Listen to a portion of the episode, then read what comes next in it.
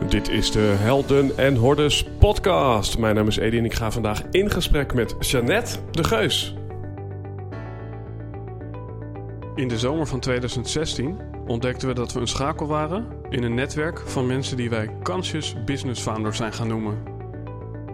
Bijzonder gemotiveerde ondernemers die echt voor durven te staan. Ook als dat inhoudt dat ze daar alleen voor staan. Die 200% toewijding willen geven voor 1% groei en zeggen: Dit ben ik en dit is mijn bijdrage aan een meer gebalanceerde wereld. Helaas kon je niet bij al deze gesprekken aanwezig zijn. Daarom hebben we die bijzondere verhalen voor je samengebracht in deze podcast. We wensen je veel luisterplezier, maar belangrijker nog, we hopen dat jij de volgende stap gaat zetten in jouw avontuur.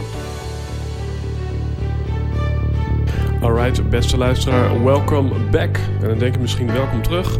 Nou, we hebben iets langer dan normaal geen nieuwe aflevering gepubliceerd. Is er dan niks gebeurd, beste Eddie, denk je dan?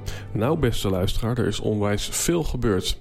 Er zijn zo'n 160 mensen gekomen naar de live masterclass die ik onlangs deed met Guido Weijers. Ik heb ook nog een gewone podcast met Guido opgenomen over zijn privéleven. Ik heb een podcast dus opgenomen met Jeannette Geus, die zo direct gaat horen. Eentje met Michiel Smit, die alles weet over tantra en terpentine. Nou, hoe dat zit, dat hoor je dus in die aflevering. Ik heb een aflevering opgenomen met Richard de Let. Nou, wie kent hem niet? Zoek hem op, zou ik zeggen. En dan heb ik een podcast opgenomen met mijn eigen oom, Paul Boom. Dat rijmt, want een aantal weken geleden ging ik naar Genève. En na dat bezoek is er zowel bij hem als bij mij privé van alles veranderd en zakelijk ook. Nou, dat is een razend interessante aflevering. Paul is eigenlijk een essentialist of een minimalist. Nou, ik zit op dit moment in zijn huis. Uh, in Nederland, want daar heeft hij een mooie woning. Ook heel minimalistisch ingericht. Hij zou zichzelf nooit zo noemen, maar een razend interessante man. Nou, dan gaan we nu naar Jeannette Geus, want zij is directeur van 12 Waves, host van de Transformatie Podcast en wereldkampioen kettlebell sport. Ze vertaalt haar gedragswetenschappelijke achtergrond en fascinatie voor spiritualiteit en persoonlijke groei naar buitengewone masterclasses en trainingen over life crafting en mind game. Niet heel gek gezien ze ooit het toonbeeld van sociale mobiliteit is genoemd. En ze laat zien dat succesvol zijn en buiten de lijntjes kleuren uitstekend kunnen samengaan. En de rest mij nog te zeggen dat wij vaak vooraf een hapje eten. En dat doen we door wat hulp van Chickpea Falafel. Chickpea Falafel is een heel klein restaurantje in Haarlem. En ik zeg klein, maar inmiddels hebben zij de hele parade in Nederland voorzien van lekkere falafelballetjes. Want Misha is ook een ondernemer met een verhaal. Zijn vader heeft Israëlisch bloed en hij heeft een mega uitstekend hapje ontwikkeld. Gebaseerd volgens mij op zijn vaders recept. Allemaal veganistisch, dus wil je een keer heerlijke en ook gezonde falafel eten, bijna culinair of nou ja, bijna. Volgens mij is het gewoon culinair. Ga dan eventjes langs Chickpea Falafel. Nou, en dan gaan we nu echt naar Jeannette de Geuze. Ladies and gentlemen, Jeannette. Ik was net iets te enthousiast. Ik had er inderdaad even bij mogen zeggen dat bij ons het intro ook gewoon in de live uh, versie zit. Ja, dat is bij mij niet. dat is bij niemand volgens mij. Uh, en zo uh, ja, zijn er dus toch verschillen tussen de verschillende podcasters in Nederland. Um, en zo kennen we elkaar ook volgens mij. volgens mij heb jij mij ooit een keer toegevoegd op LinkedIn. Ik had toen net mijn podcast en jij begon ietsje later met een, uh, een podcast die inmiddels ook heel succesvol is. En dan komen we meteen op een mooi thema. Ik was ook echt heel jaloers op je naam, by the way. Want een van mijn eerste ideeën was de het helden, iets te doen met de Hero's Journey. En dat te verwerken in de titel. titel. En ook het titel. ja, dat te verwerken in de titel. Nee, uh, om um, naar dat stuk te kijken, dat je obstakels en het, het, mm -hmm. het, mensen laten zien dat het niet alleen maar piekervaringen zijn, maar dat ja. je ook hele diepe dalen hebt. En toen zag ik jou en dacht ik, ah, dit is echt geniaal. nou ja, er zit nog een kleine nuance, omdat uh, het woord hordes, mijn vader die zegt, ja, toffe naam, alleen is het hoorden met een N. Oeps. Oeps. Uh, toen even de Vandalen geraadpleegd, blijkt allebei te mogen. En staat zowel voor obstakel als voor de massa. En dat vond ik eigenlijk wel heel mooi.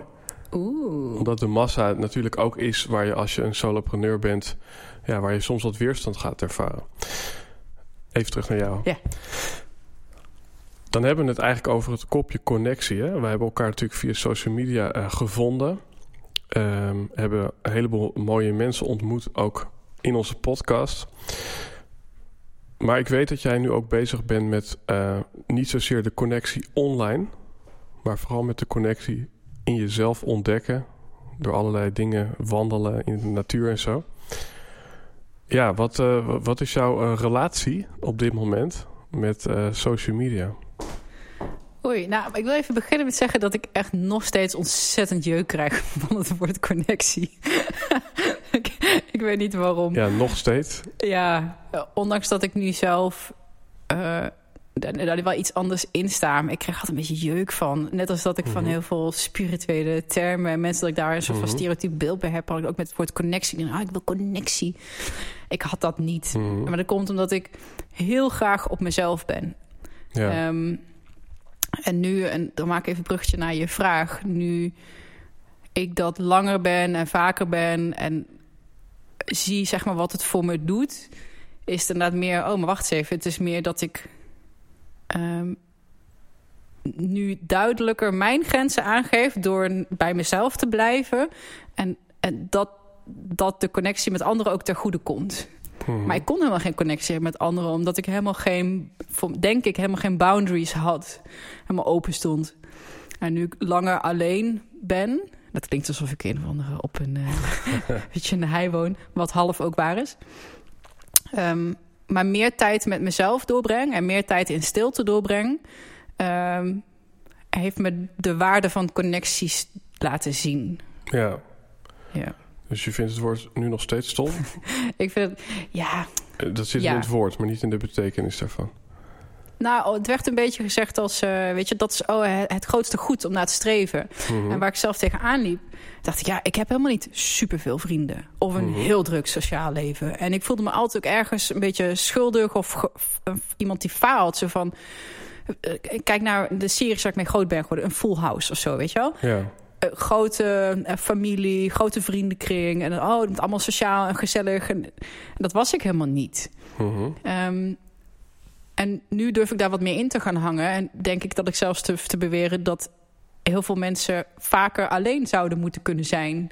Uh, en dat niet iedereen twintig beste vrienden nodig heeft. Of een heel druk sociaal leven. En dat we niet 500 mensen hoeven te volgen dagelijks. En van iedereen alles moeten weten. Ik denk dat dat gewoon way too much is. Ja, ik denk, volgens mij wat ik je hoor zeggen, weet je, er zijn meerdere lagen waarop je dan dat uh, piepwoord uh, kan inzetten. Ik mag het ook zeggen hoor. Um, maar dat, dat is volgens mij inderdaad een soort van illusie dat we door meer te connecten online, ja. dat we dan ja, ook, ook een meer connectie krijgen. Ik, ik denk zelfs dat andersom is meer armoede. Ja. Ik heb hier ook wel eens met Paulien van Eerdenburg gezeten, uh, een beetje een influencer op Instagram. Maar die zegt eigenlijk: iedereen die ik wil worden, die volg ik niet. Uh, omdat ik daarmee mijn authenticiteit verlies. Omdat ik dat dan ga nadoen. Maar ik verlies eigenlijk uh, uh, ook mijn optimisme. Omdat ik zie dat zij al verder zijn dan ik. Oh, mooi. Ja. Dus, dus dat is een soort omdenken misschien. Nou, niet misschien. Wat is, de, wat is voor jou dan in... Uh, wat, wat, is voor jou dan de, de, de rol van, van jouw podcast? De, de, de, de spirituele rol? Want, want dat, is, dat is natuurlijk toch een soort van uh, datingplatform. Zo zie ik het wel beetje. ik, bedoel, ik, ik heb zelf heel hebben veel wij nu, Hebben wij nu een date zonder dat ik het weet? is dat wat je nu zegt? I don't know, misschien. nou, om heel eerlijk te zijn... ik weet niet of jij dat ook mee hebt gemaakt... Um, en ik, dit is voor de eerste keer dat ik een koptelefoon op heb. Dus ik, ik moet nog even een beetje... Mm uh, ik moet mijn plekje nog even vinden. Maar die gesprekken zijn zo open vaak en diepgaand meestal ook. En nou, de thema's die jullie behandelen natuurlijk ook. Soms voelt het daarna, weet je, als na zo'n gesprek, dan kijk je je gast aan. En soms benoem ik het ook van. Het voelt al een beetje alsof je net seks hebt gehad of zo. Grappig dat je dat zegt. ja. is even, je hebt samen in zo'n soort van bubbel gezeten met z'n tweeën. Super intiem. Ja. En je hebt echt aandacht voor elkaar. En waarom voelt het als seks? Volgens mij omdat dat voor de enige plek nog is... waarin je heel intiem bent en heel erg aandacht voor iemand hebt. Maar mensen praten helemaal niet meer op deze manier met elkaar, heb ik het idee. Nee. En misschien is het dat. En, maar en- dat en- heb jij dus ook. Misschien, ja, En nou, nee, ik, ik, je kan het aan Jurf vragen. Voor mij is dat woord intimiteit. Ja. Eh, en om er meteen een soort personal side note aan te koppelen. Ik heb ehm, in Genève tijdens een soort, eh, ja, ik noem het even een retraite, heb ik echt met mezelf afgesproken de intimiteit die ik heb in een podcast, de manier waarop ik luister en in dialoog ga. Als ik die nou eens meeneem naar mijn liefdesrelatie en mijn vriendschappen, wat zou er dan wel niet kunnen gebeuren? Waarom doe je dat niet dan? Nou, omdat dan komt dus dat vieze andere modewoord, commitment. Ehm, omdat wij nu de afspraak hebben om eh, ja, de komende uur of anderhalf te praten over een bepaald thema. Eh, en, en daar is, er zit ook een soort rust. Weet je wel, we weten, we gaan nu niet op ons telefoon kijken. eh, we zijn er nu voor elkaar. Dus Ja. het, het is echt een soort afspraak. Ja, En die afspraak maak je denk ik niet op het moment dat je met iemand thuis zit. Dus, Ja, je hebt, je hebt Jan Guts ook al eh, gehad, toch? Of Ja. niet? Ja. Volgens mij heeft Jan daar heeft daar ook eh, echt eh, uitgesproken mening over. Over het niet samenwonen en niet helemaal in elkaar versmelten. Ik denk omdat je elkaar dan van, heel erg vanzelfsprekend neemt. En dus ook niet meer die volle aandacht aan elkaar geeft. Omdat je gewoon in elkaars periferie hangt. ja, Zo van ja, je bent er. En eh, we doen samen leuke dingen. Maar Ja. eigenlijk zitten samen te Netflixen terwijl je op je Ja. telefoon zit en eh, half met elkaar te praten. mhm, En dat doen wij nu niet. nee. En Oh. Ik denk ook dat je daarna van elkaar weg moet. mhm, Want ik denk dat je die verbinding pas echt aan kan gaan, ook in een relatie, als je in loslaten zit verbinding en in verbinding zit loslaten. En als je, ik had al laatst een, een mooie boswandeling aan besteed. Ik denk dat je daar zo Mhm. meteen ook naartoe wil. Ehm, Naar het bos. naar het bos, naar het bosbaden. Onze date gaat verder in het bos. En eh, eh, Sorry, ik, Nee. ik hou, je, ik hou er even helemaal uit. nee, maakt niet uit. Is dat ehm, als ik kijk naar hoe, hoe mijn relaties dan gingen en misschien ik, waarschijnlijk ook heel veel anderen, weet je, in het begin ben je heel erg verliefd en ben je echt helemaal met elkaar bezig en dan dan wordt dat gewoon normaal en dan eh, ja, hang je dus in elkaars periferie en ga je dezelfde kant op. Dan loop je samen zeg maar door dat eh, pad, maar je laat Mhm. elkaar nooit meer helemaal los. Maar voor veel vrouwen, ik weet niet hoe dat voor mannen is, je blijft altijd een beetje hunkeren naar dat die mate van aandacht uit het, van het begin. Toen je nog echt helemaal op elkaar gefocust was. Ja, Het is heel erg, en dat voelt niet zo heel fijn. En heel veel vrouwen gaan dan een beetje hangen.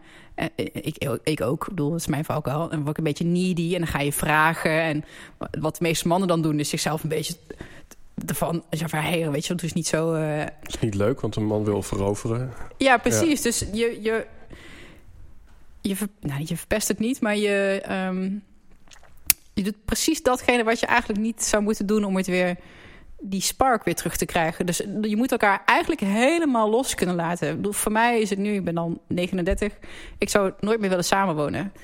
Eh, nu in mijn relatie, ik heb een latrelatie. Mhm. Ik zie hem drie dagen in de week. Ik, ben, ik wil echt heel graag vier dagen in de week voor mij, op mezelf zijn Ja, hem ook echt loslaten. Ik zeg niet dat het niet kan. In, dit werkt voor mij. Hè. Is Mhm. niet dat dit voor iedereen de perfecte oplossing is. Maar juist dat elkaar loslaten. En hey, je hebt ook nog een leven naast mij, zeg maar. Waar ik niet eh 100% bij ben of zo. Ehm, even dat verlangen. Even ook een klein beetje die pijn. Van oh, eigenlijk wil ik nu wel bij je zijn, maar je bent er niet. Ehm, en elkaar die vrijheid geven. Want we hebben een, een open polyamoreuze relatie. Wauw, en als iemand dan weer terug bij mij is... zeg maar ondanks dat eigenlijk de sky is the limit... en eh, Ja. je kan naar iedereen toe waar je naartoe wil... en je bent dan toch bij mij. En als je er bent, dan... eh, omdat we elkaar ook dan een paar dagen niet hebben gezien... dan ben je er echt met elkaar en Ja. bij elkaar. Voor mij is dat perfect. En dan, dat hoeft voor mij ook niet 24-7 nee. te zijn. Want dan word ik gek, want ik heb ook Ja. mijn eigen behoeften. Dus voor mij werkt dit gewoon... Ja. eh, ja, heel, heel fijn. Maar eigenlijk hebben we het hier over onverdeelde aandacht. Ja, absoluut. Ja, ja. En het is heel makkelijk om dat voor lief te nemen als iemand er altijd is.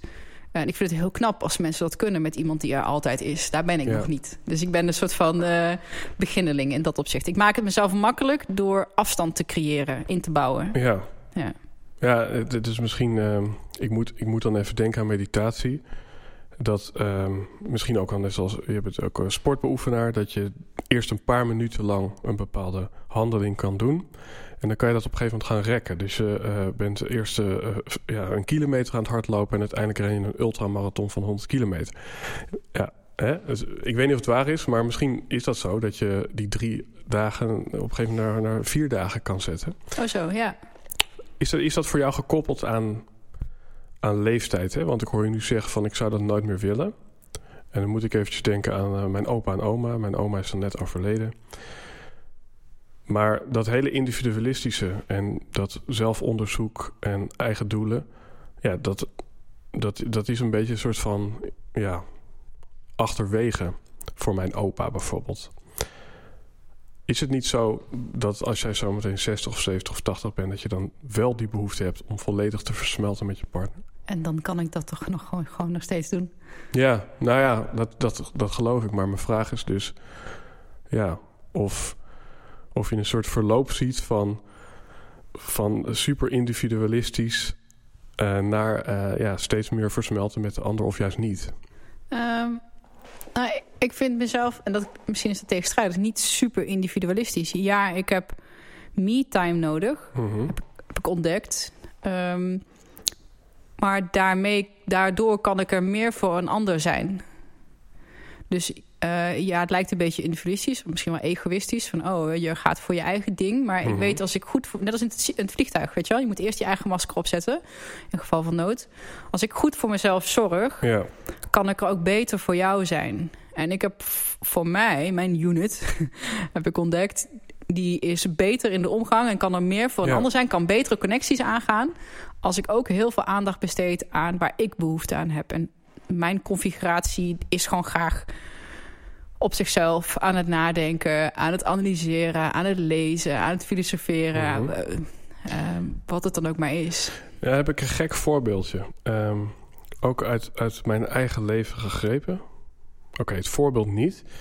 Maar eh, een Belgische zanger heeft een keer gezegd... Voor mij was het dieptepunt dat ik een liedje schreef over met mijn dochter naar het strand gaan. Toen mijn dochter vroeg, pap, zullen we naar het strand? En ik zei nee, want ik ben een liedje aan het schrijven. Ja. En die valkuil, eh, daar ben ik volgens mij laatst ingevallen. Dat mijn broertje zei, in het woord zelfhulp zit het woord zelf. In hoeverre is dat zelfonderzoek, dat lezen, dat, ja, ik weet ook dat je veel boeken leest. In hoeverre is dat niet juist ja, een, een distanciering van de connectie waar je eigenlijk naar op zoek bent? Ehm, ja, voor mij niet. Voor mij zijn die twee echt totaal los. Want ik wil ze alle twee. Als ik kijk naar ehm, mijn eindwaarde of wat er eh, in mijn roadmap staat, waar, ik naartoe wil, wat voor mij belangrijk is, is vrijheid, wijsheid en overvloed. En dat is heel persoonlijk. Iemand anders is daar, daar mag ook gewoon geluk, liefde, eh, zorgzaamheid, carrière. I don't, ik heb gemerkt, Mhm. vrijheid vind ik belangrijk. Eh, wijsheid, daar zit, ehm, en in overvloed zit ook overvloed in geld, Ja. in liefde, in connectie. Dat is voor mij allemaal overvloed. Ik wil beide. Eh, ik wil niet alleen maar helemaal losvrij ik Mhm. die aan het nadenken is. Ik wil ook echt die, dat menselijk Ja, contact. En deels is dat natuurlijk een Ja. podcast, maar gewoon mijn relatie en mijn vriendschappen. Ehm, maar die moeten wel, dat moet er wel beide zijn. Want als Ja. het alleen maar vast is, dat heb ik geprobeerd. ik heb bijvoorbeeld vijf keer samen gewoond, veel relaties gehad. Dat werkt niet. Dan Nee. doof ik uit. Dus ik, Ja. moet, ik, heb dat, ik heb dat nodig. ja, En, in die, en als ik mezelf die vrijheid gun, die, die ruimte, kan ik er ook beter zijn, nogmaals, voor een ander en die Mhm. connectie dus dieper maken. Maar Ja. dus ook omdat ik mezelf beter leer kennen en weet wat bij mij past en waar ik behoefte aan heb. Ja. Nou ja, ik vraag het en ik, ik merk dat ook bij veel gasten die ik hier aan tafel heb gehad. Hè, dat in theorie zijn theorie en praktijk hetzelfde, maar in de Oh, praktijk niet. Vind ik een hele leuke zin. Even een doordenkertje. In theorie zijn theorie en praktijk hetzelfde, maar Oh, in de praktijk niet. Ik snap hem, ik snap hem. Eh, Ik denk dan toch dat ik wel practice what I preach in dat opzicht. Ja? Je hoort mij niet zeggen, ik, eh, nee. Ik, Eh, heb je dat ooit, heb je, heb je, dat ooit ja, verkeerd gedaan? Is, Nou het, ja, is het ooit wel verkeerd gegaan? toen jij dat vertelde over dat, die, die, die zanger. Ik heb natuurlijk mijn vorige bedrijf, Love Fit Food, ging over voeding en over trainen.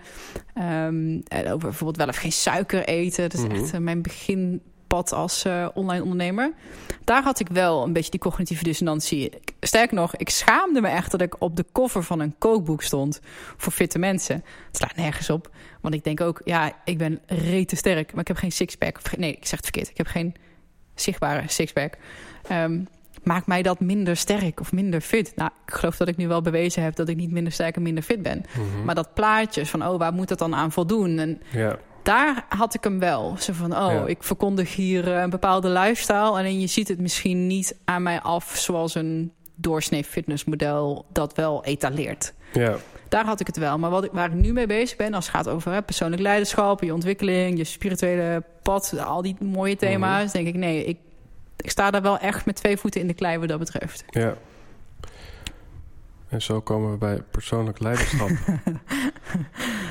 Ik weet dat je ook eh non-dualiteit eh, hoog op je, ja, op je interesselijstje hebt staan.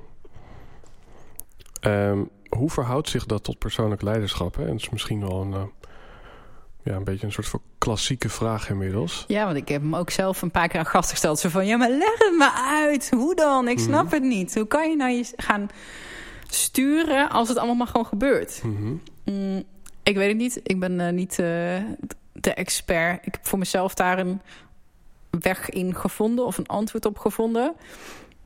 En ik denk dat de sleutel zit, of de, voor mij, ehm, in de, de massiveness van het onbewuste. Ik, ehm, dus, eh, ons, onze, be- onze bewuste geest, onze bewuste capaciteit kan gewoon een heel klein stukje kunnen we bewust sturen.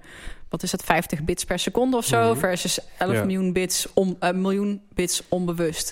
Ik denk, oké, dus eigenlijk ga ik, ben ik op de automatische piloot 99,9% van de tijd ehm, doe ik gewoon. Maar die Mhm. 0,1% van de tijd ben ik wel bewust aan het stuur. Eh, en daar heb ik wel invloed op. Dus ik, ik, ik zoek een beetje.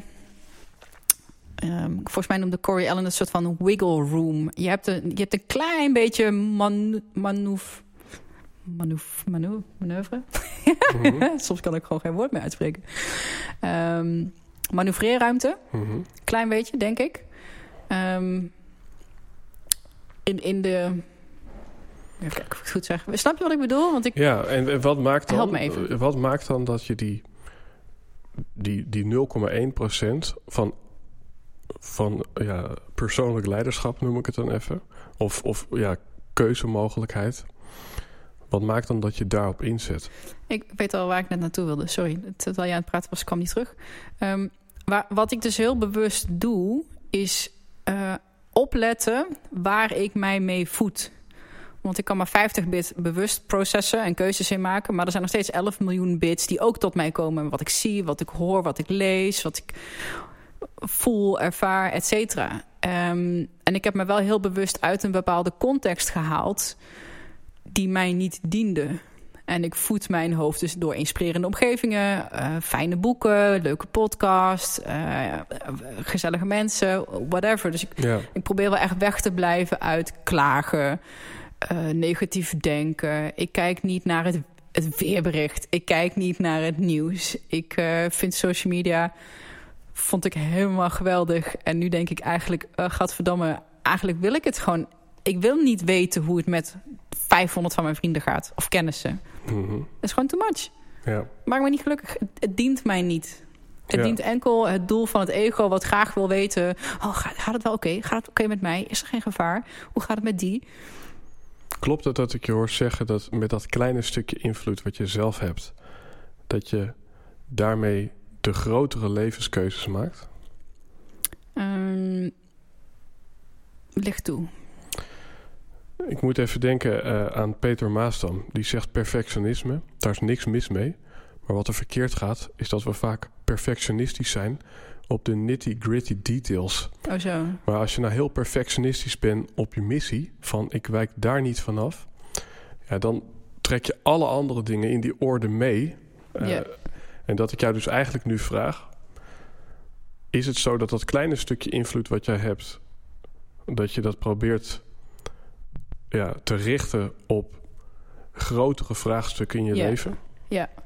Eh, en ook ik, eh, dat kleine stukje bewust sturen wat ik kan doen. Ehm, dan wil ik inderdaad input als een boek of een podcast of een, een, een documentaire of een serie of iets of een omgeving of whatever. Waarvan ik weet dat het ook nog doorappt later. Dus een soort van, eh, volgens mij Leroy Naarden noemde dat een soort van olietanker. Die je probeert te besturen met een heel klein poppetje. En het enige wat ik kan doen is gewoon meer informatie in die olietanker gooien. Zodat langzaamaan dat hele systeem, al die patronen, al die overtuigingen, al die gedachten. Ja. Want we zijn helemaal, we worden door onbewuste patronen gestuurd. Mijn identiteit, mijn ego, wie ik ben, waar ik naar verlang, wat ik leuk vind, waar ik van aanga, dat is allemaal geschiedenis. Dat is allemaal gevormd door alle input die ik heb gehad, bewust en onbewust. Maar vooral dus onbewust. Je opvoeding, je school, eh, et cetera, et cetera, et cetera. En als je dat dus weet en als je denkt van... hé, hey, waar ik nu op aan het afstevenen ben, ben, is niet waar ik naartoe wil... of ik wil een andere kant op... dan denk ik, oké, dan ga ik dus kijken naar die... eh, kijken of ik nieuwe patronen kan maken of nieuwe overtuigingen. En dat is niet door een... oh, en nu gaat alles anders. Volgens mij moet je gewoon geleidelijk aan... steeds meer nieuwe input erin stoppen... zodat het dat onbewuste machientje ook mijn kant op gaat. Mhm. Ik heb ooit een model geleerd: eh, herkennen, verkennen, erkennen. Dus eigenlijk waar het. of nee, ehm, verkennen, erkennen, herkennen. Dus je, dus je verkent bij jezelf, hey, wat speelt er allemaal? Welke patronen doe ik allemaal? Vervolgens, ah, daar is hij weer. Herken je het? Vervolgens zeg je, en dat is oké. Erkennen. Ja. In dat hele rijtje zit helemaal niet de keuze om jezelf anders te gedragen. Het gaat, dat hele rijtje gaat alleen maar over het zien, het bewust worden. Ja.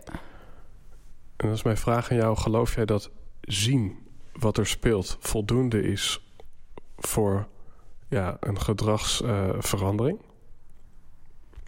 of, of heb je eh, eh, ook echt een keuze te maken? Dus, dus zien, hey, roken is slecht voor mij. Is dat voldoende om op onderbewust niveau toch te stoppen? Of, of moet ik ook echt kiezen, ik stop met roken? Oei, geen idee. Goeie vraag, leuke vraag. Ehm, ik denk dat, dat we op heel veel verschillende manieren van gedrag kunnen veranderen. Ik denk dat je absoluut een soort van lightning bolt... eh, en nu doe ik alles anders en there's no way back. Dus dat je echt eh, in één keer stopt met vlees eten... of uh, stopt met roken of wat. Of iemand die zwanger wordt, weet je wel... Die kunnen wel plotsklaps ineens anders eten, niet roken, beter voor zichzelf zorgen. Of als je te horen krijgt dat je kanker hebt. Weet je, als, als het echt de pijn in één keer acuut en groot is, denk ik echt dat mensen uh, kunnen veranderen. Maar ik denk dat het allergrootste deel gewoon heel geleidelijk uh, patronen aanpast. Mm -hmm. Dus ik denk dat het afhankelijk is van de persoon en de context wat voor je werkt. Heb jij, uh, ze heet Gretchen Rubin, volgens mij. Um, Naam doet me wel daar. Better Than Before is een hele leuke als mensen dit een interessant thema vinden van hey, hoe verander ik nou? Mm -hmm. En zij richt zich helemaal in op uh, habits. Uh, Jordan Peterson zag ik daar laatst ook iets over posten. Eigenlijk is alles wat we doen is gewoonten, is zijn structuren. Ja. Um, het is best wel gek als je erover nadenkt dat jij en ik, weet je wel, in de samenleving nu, waar we nu zijn, niet voor alle mensen, alle tijden, overal, maar wij hier nu kunnen alles doen wat we willen. Ik kan nu daar in het raam klimmen. Ik kan zeggen, fuck het, naar buiten lopen. Doei. of, of gewoon dit gesprek afmaken. Of uh, weet je, ik, ik kan alles doen wat ik wil. Maar ik doe het niet omdat ik uh, mezelf willens en wetens... waarschijnlijk wel onbewust, afhankelijk heb gemaakt... van een bepaalde uitkomst, van een bepaald persoon... van een bepaalde omgeving... Um, Waardoor ik dus aan de ongeschreven regeltjes voldoe. Je hoort daar niet in het raam te gaan zitten, dan ben je onaangepast. Ja. Je moet netjes dat gesprek afmaken, anders vind je mij stom. Weet je wel? Dus ik ben aan allerlei soort structuren en regels en normen zit ik hier en gedraag ik me. Maar basically kan ik alles doen wat ik wil. Ja. En als datgene wat hier nu is, of wat het leven wat ik nu heb, wat gewoon ontstaan is uit gewoonte, die structuur, en die, heb, die is belangrijk, die hebben we nodig. Als we dat niet zint, en dan ga ik kijken naar hoe ik andere gewoonten en andere structuren kan maken. En daar heeft ze een heel leuk boek over geschreven met, ik geloof, 21 manieren waarop je je gewoonte aan kan passen. Ook afhankelijk van het type persoon dat je bent. De ene heeft heel veel externe accountability nodig. De andere moet heel erg de reden weten waarom. Een ander kan je helemaal geen verandering opleggen. Dat moet van binnenuit komen. Dus ze, heeft daar wel, ze maakt er wel onderscheid in, in verschillende persoonlijkheidstypen. Mhm. Maar de vraag, ja, hoe veranderen we? Denk ik, ja, oké, lees haar boek. er staan Ja, 21 interessant. manieren voor nieuwe gewoonten in. Wat ik, wat ik echt wel een, een mooie eye-openers eh, vond. Ja, want je hebt het over een soort van conditionering van nou dat, dat weet je wel, dat is voor mij gezond of dat eh, maakt me succesvol of eh, nou dan kan ik iedere dag een boterham smeren. Is het niet ook gewoon dat de mens van nature lui is? Absoluut. Mhm. Ehm, Hoe ga nee, je? ik zei, nee, misschien niet lui. Ik denk dat we van nature inzetten op energiepreservatie. We zijn van nature eh, een schaarste omgeving gewend. Er is niet genoeg. Ja. Niet, ehm, eh, wat wil ik dan over zeggen? En daarmee doe je dus alleen wat echt noodzakelijk is. Ja, en willen we eh, energie preserveren. Maar ik denk ook dat tegelijkertijd... we hebben allemaal een drive. Een mens wil het beter maken. Mhm. En dat is ook oké. Dat is van, oh, maar dat is gewoon onze natuur. En dat heeft ons en de mensen gewoon... eh, de individuele eh, personen super ver gebracht. Ja. Als ik nooit een drive zou hebben... als ik nooit ambitie... als ik nooit iets zou willen... Mhm. Dan, ja, dan gebeurt er niks. En, en wat wil jij? Om, om maar even zo bam re- recht in je missie te stappen. Nou ja, dat zei ik net. Vrijheid, wijsheid, overvloed. Ehm, Zijn, zijn dat waarden? Ik bedoel, ik zie nog wel een verschil tussen een missie en, en, en een soort kernwaarde. Ja, ik, ik zou dat waarschijnlijk een keer om moeten buigen naar, eh, naar een missie. Dus, dus die vertaalslag zou ik nog kunnen maken. Die heb ik nu niet Mhm. uitgewerkt. Maar een leven leiden wat in lijn daarmee is. Mhm. Ehm, ik wil deze ja, unit, dit lijf, dit, dit stukje bewustzijn wat ik nu ben, heb, eh, zo lang mogelijk eigenlijk nog. Ik vind het superleuk. Ik vind het geweldig wat ik aan het doen ben. ik wil hier gewoon zo lang mogelijk van genieten. Straks is het voorbij. Ehm, en, voor mij, en waar geniet ik van? Dat stukje eh, wijsheid, vrijheid, overvloed. Daar, me daarop focussen. Mhm. Ik, eh van week was ik aan het, in mijn- bos, mijn boswandeling. Daar komt hij dan. Mijn bosbad. ik vind het zo'n mooi De woord. lang, de lang verwachte boswandeling. Ja. Ehm, ja, ik geloof niet in vorige levens zo, maar wel in archetypen.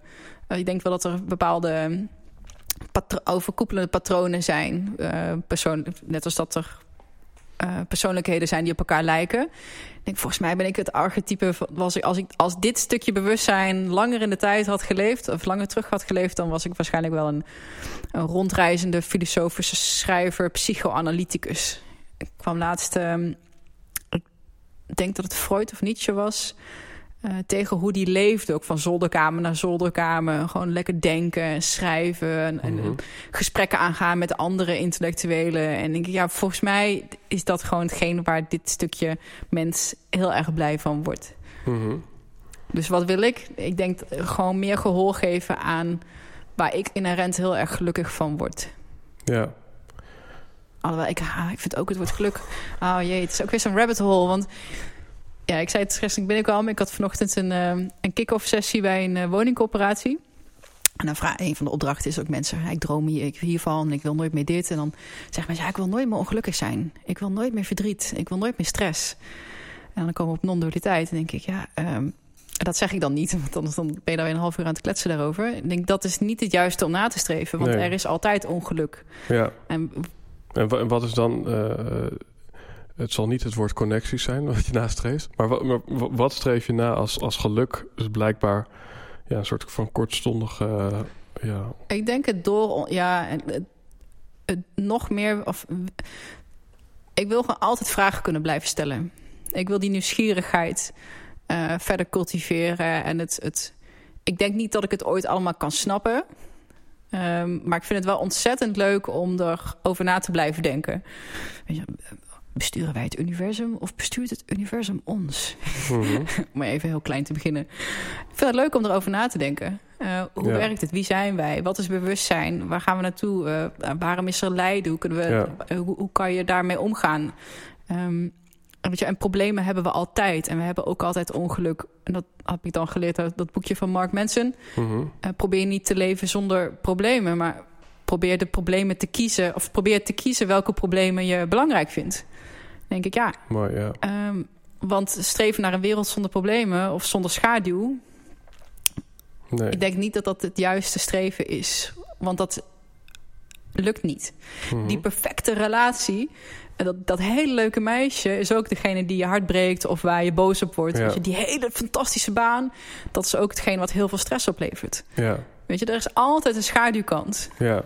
En daar van die schaduwkant weg willen, ik denk dat dat de verkeerde kant op is. Mhm. Dus eigenlijk kunnen we in jouw geval het woord geluk misschien vervangen voor levenslust of voor nieuwsgierigheid. Ja, misschien wel. Ja. Ja. Gewoon geïnter- geïnteresseerd blijven. Ja, Hier blijven. en dat vind ik meteen een hele interessante. Ja, want wat die, die seksualiteit die jij benoemt in zo'n podcast. eh, ja, ik hoor dan vaak van. Ja, het is echt alsof je op, oprechte interesse hebt. Alsof. Ja, ja, nee, maar ik vind dat alsof is wel een mooie. Want op het moment dat iemand jou zou vragen... Nou, Jeanette, ik, ik vind het wel belangrijk dat je echt nieuwsgierig bent. Ja, hoe zet je zoiets aan? Dus, dus, ik, dus, dus, dus ik vind het heel interessant van... Hey, als nieuwsgierigheid en levenslust voor jou belangrijk is... Ja, dat is een mooi inzicht. Maar als je het dan toch over persoonlijk leiderschap hebt... van hey, hoe kun je nieuwsgierigheid in jezelf aanzetten? Hoe kun je ineens ergens inter- interesse eh, voor krijgen? Maar denk jij dan dat je overal nieuwsgierig voor moet zijn of interesse in moet hebben? Of dat we al- dat altijd aan moeten staan? Nou, ik denk het niet, nee. Ehm, maar ja, als je het dan toch hebt over, eh, over, over het maakbare leven... Ja, dan nee, is... niet maakbaar, wel stuurbaar, Mhm. denk ik. Dat, jij, jij krijgt Ja. Tibor nog. Volgens mij is dat een Ja. van zijn uitspraken. Niet eh, maakbaar, wel stuurbaar. Ik sluit me daar wel bij aan. Ja, mooi. Ja, ik zie nu inderdaad een soort rivier... en jij kunt een beetje bepalen hoe jij er doorheen vaart... maar dat je naar beneden gaat, eh, dat is een Ja. feit. Wat leuk, jij bent volgens mij ook heel visueel in dat opzicht. Mhm. Ehm, ook in, in de, de, bijvoorbeeld de ayahuasca-ceremonies die ik heb gedaan... of als ik aan het mediteren ben. Het zijn op de ene of andere lijkt het alsof er dan een soort van... kortgezaakte-achtige Ja, ja, YouTube-filmpjes in mijn hoofd. En ik zie het altijd uitgetekend voor me. Ik vind het zo jammer dat ik niet goed kan eh, tekenen. Laatst was ik ook aan het wandelen. En eigenlijk wat jij zei, die rivier. Ik denk, wij, wij mensen, we, we hebben dan eh, doelen. En we, we gooien intenties vooruit. Ook ik hoop dat dit gebeurt. En dat Mhm. zijn een soort van blokjes die we vooruit gooien in de tijd. Corey Allen noemde dat volgens mij ook eh, blokjes. We gooien dat vooruit en dan lopen we daar naartoe. En dan hopen we dat dat dan uitkomt. Mhm. Maar wij denken dat we op een soort van platte weg staan terwijl we dat blokje gooien. Maar je staat toch niet op een platte weg. Je staat dus op een soort van in een kolkende rivier. Denkende dat je op een platte weg staat. Iets vooruit te gooien. Wat dus ook in die rivier terechtkomt. Dus basically, het is chaos eigenlijk om ons heen. en volgens mij, als jij...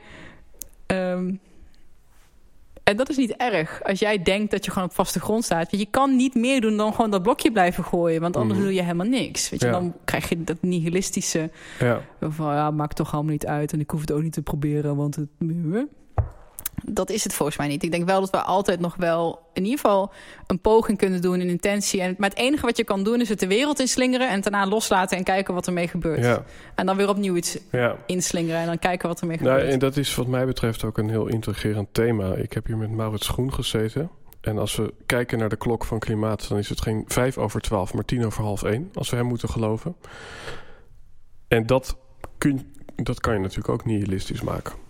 Ja. Ehm, maar eh, ja, hij citeert dan een Franse filosoof... ehm, wat ik niet letterlijk kan herhalen... maar hij zegt... eh, niet... eh, ja, niet het doel van, nou, als ik dit doe, kom ik daaruit. En niet als, als, als ik dit doe, dan kom ik daar vanaf. Maar gewoon dat jij die waarde hebt en daarnaar handelt. Ja, Dat is het leven en de reden dat ik het doe. ja, en je hebt, je hebt niet in controle hoe dat, waar dat blokje terechtkomt. Eh, wat een ander daarmee doet, wat de wereld daarmee doet. Ja, Eh, daar gaat het ook niet om, volgens mij. Het gaat erom dat jij nou, een soort van, vanuit authenticiteit dat blijft doen. ja. Ja. Mooi. En dat is misschien ook wat verschil tussen het hebben van een doel of een richting. Ja, ja ik denk dat richting veel beter woord wat dat betreft. Mhm. Ja. Eventjes iets meer in de practicality, practicalities. ik denk, ik doe het even in het Engels, dan gaat het meteen fout. doe het in het Engels, want dat is makkelijker. 12 Waves, wat, uh, ja, wat is de richting van 12 Waves op dit moment in jouw organisatie? Um, een punt waar we nu op staan is dat... Kijk, Michel heeft een, een training bedacht... Mm -hmm. uh, die ik als denker, iemand die heel erg in, in theorieën kan verzanden... en heel erg in de informatieverslinden zit... Um, heel erg fijn vond, omdat hij het heel erg in het hier en nu, het praktische trok. Mm -hmm. Dus ik ben, dat, uh, ben daarbij aan boord gestapt. Uh, maar je bent natuurlijk heel erg benieuwd of het om hem hangt... of dat zijn product goed is. Dus zijn training goed ja. is. Uh, nou, ik ben nu de eerste die zijn trainingen ook zelf uh, bij bedrijven doet. Loopt ontzettend goed, wordt onwijs goed ontvangen. Dus dat is de eerste indicatie van... oké, okay, het gaat niet alleen maar om hem, maar wat hij heeft gemaakt... Uh, snijdt hout. Sterker nog, dat kan iemand anders ook overdragen. dus dat hebben we nu dat, dat weten we nu. Mm -hmm. Dus nu zijn we de eerste lichting coaches aan het opleiden, aan het certificeren... die dus ook met die tools mm -hmm. aan de slag kunnen. Dus dat is waar 12 nu staat. En dat ja. ons flagship zeg maar, product is een training in persoonlijk leiderschap... en persoonlijke effectiviteit. Oké, okay, wat wil je en hoe kom je daar zonder jezelf voorbij te lopen? Ja, want ik pik er even iets, iets uit. En dat is natuurlijk de naam 12, 12 Waves. Uh, jij bent zelf uh, Jeannette Geus... wat volgens mij ook al een, best wel een personal brand is... Um, en dan heb je ook nog de transformatie-podcast. Wat, wat, is jouw overtuiging uh, rondom het kopje bedrijfsnaam versus je eigen naam als het gaat om zichtbaar zijn als ondernemer? Um, nou, ons doel uiteindelijk is om bijvoorbeeld zelf even te kunnen verkopen. Mm -hmm. Ik noem maar even wat. Uh, ik mezelf kennende ik ga all in in iets. Maar ik weet ook dat ik misschien over vijf jaar weer andere interesse heb. Of iets anders wil gaan doen. En dan wil ik niet dat, mijn he dat ik mijn hele persoonlijke brand, om het dan zo maar even te noemen, uh, daaruit moet vlechten of om moet mm -hmm, ontvlechten. Ja. Dus 12 is een bedrijf. Uh, wat niet op Michel moet hangen, niet op de transformatiepodcast moet hangen, niet op Snap moet hangen, maar wat als, net als dat Getting Things Done, GTD, dat is een bedrijf. Dat is een term. Iedereen kent een model, die. Ja. model. En zo ja. willen 12 ook een model maken. Ja. Uh, ik heb wel echt heel lang nagedacht... oké, okay, moet ik de podcast misschien livecrafting noemen... of Mhm. mm -hmm. daar een, een, andere toespeling maken naar 12 wat we doen. Ik ben er nog niet helemaal over uit. Het meisje wat me nu helpt met mijn SEO's... en haar houdt maar gewoon lekker transformatiepodcast. Dat kennen mensen nu. Ik denk, oké, okay, ja, prima. Um, dus daarom heb ik dat zo gehouden. Maar ik denk, als ik een nieuwe podcast zou starten... Dus, um, vanuit deze positie... dan zou ik waarschijnlijk wel een naam kiezen... die eerder verband houdt met 12 Waves. Ja. Ja, kijk, op dat moment zijn het inderdaad twee bedrijfsnamen... en dan je eigen naam. Maar ik vind het altijd een fascinerend thema... omdat we natuurlijk in een wereld leven... waarin iedereen een soort personal brand aan het worden is... Um, en... Er werd ook heel lang geadviseerd, hè? Van, ja. oh nee, gebruik je eigen naam. Want uh, ja. ik denk, ja, maar ik wil misschien over vijf jaar iets anders doen. ja. ik wil ook niet het kettlebellmeisje zijn. En ik wil ook niet het uh, kookboekenmeisje zijn. Ja, en ik wil ook niet het microdoseermeisje zijn. Ik wil ook niet, weet je wel, ik wil mm -hmm. gewoon lekker maar niet in dat hokje zitten. En als ik daar dan weer iets nieuws wil, daar wel uit kunnen stappen. Mm -hmm. Ja, en tegelijkertijd, en dat is dan weer de psychologie. Ja, ik, ik, ik vraag het eigenlijk uit persoonlijke interesse ook. Merk ik van... Uh, vanuit de psychologie uh, doen mensen liever zaken met een gezicht dan met een logo. Klopt. En uh, ja, dat is misschien ook een van de argumenten waarom er wordt gezegd... wordt vooral een personal brand. Um, ja, maar als jij een methodiek hebt ontwikkeld... Um, zoals een GTD... Mm -hmm. is het wel fijn dat het niet op een persoon hangt. Ja. Um, we hadden het straks over Ilko de Boer of de, de internetmarketeers. Ja. Um, ik denk dat daar misschien ook een stukje discrepantie zit... of waarom dat zo lastig is voor iemand om dat na te bootsen. Want zij hebben niet een model gemaakt. Zij doen wat hun persoontje goed kan. Ja. Ik, ik kan dat niet. Ik ben hun niet. Nee. Maar als ze zeggen, dit is het model... en kijk, dit werkt bij Pietje, Henkje, Klaasje, Marietje... en bij iedereen. Dan denk ik, ah, oké, okay, je hebt een ja. model gemaakt... dat blijkbaar op deze groep mensen goed werkt. Ja. Um, ik denk dat dat sterker is. Maar ik denk dat het gewoon ligt aan wat je verkoopt. Ja, want als we het hebben over de internetondernemers... dan is het toch vaak, hè, weet je wel... Nienke van der Lekker is eigenlijk groter dan Ideaal in Bedrijf. Hetzelfde kun je zeggen voor Edwin Salei en het Hypnose Instituut... Ilke de Boer en Winst...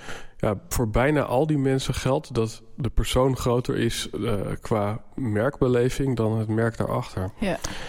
Dus dat vind ik, ik wel, vraag me af hoe zij daar over vijf jaar in staan. Ja, denk je dat het een tijdgeest is? Ik weet het niet. Ik weet het niet. je hebt ze in Amerika natuurlijk ook de Lewis House met zijn School of Ja, Greatness. Dus Daar zijn natuurlijk eh, voorbeelden te over. Ehm, ik weet het niet. Nee. Voor mij voelt dit goed. En ook met een beetje vooruitziende blik. Van, goh, weet je wel, ik wil het kunnen schalen. En Ja, ik wil het ja, misschien wel ja, kunnen mooi, verkopen. En ik wil een ander dit leren.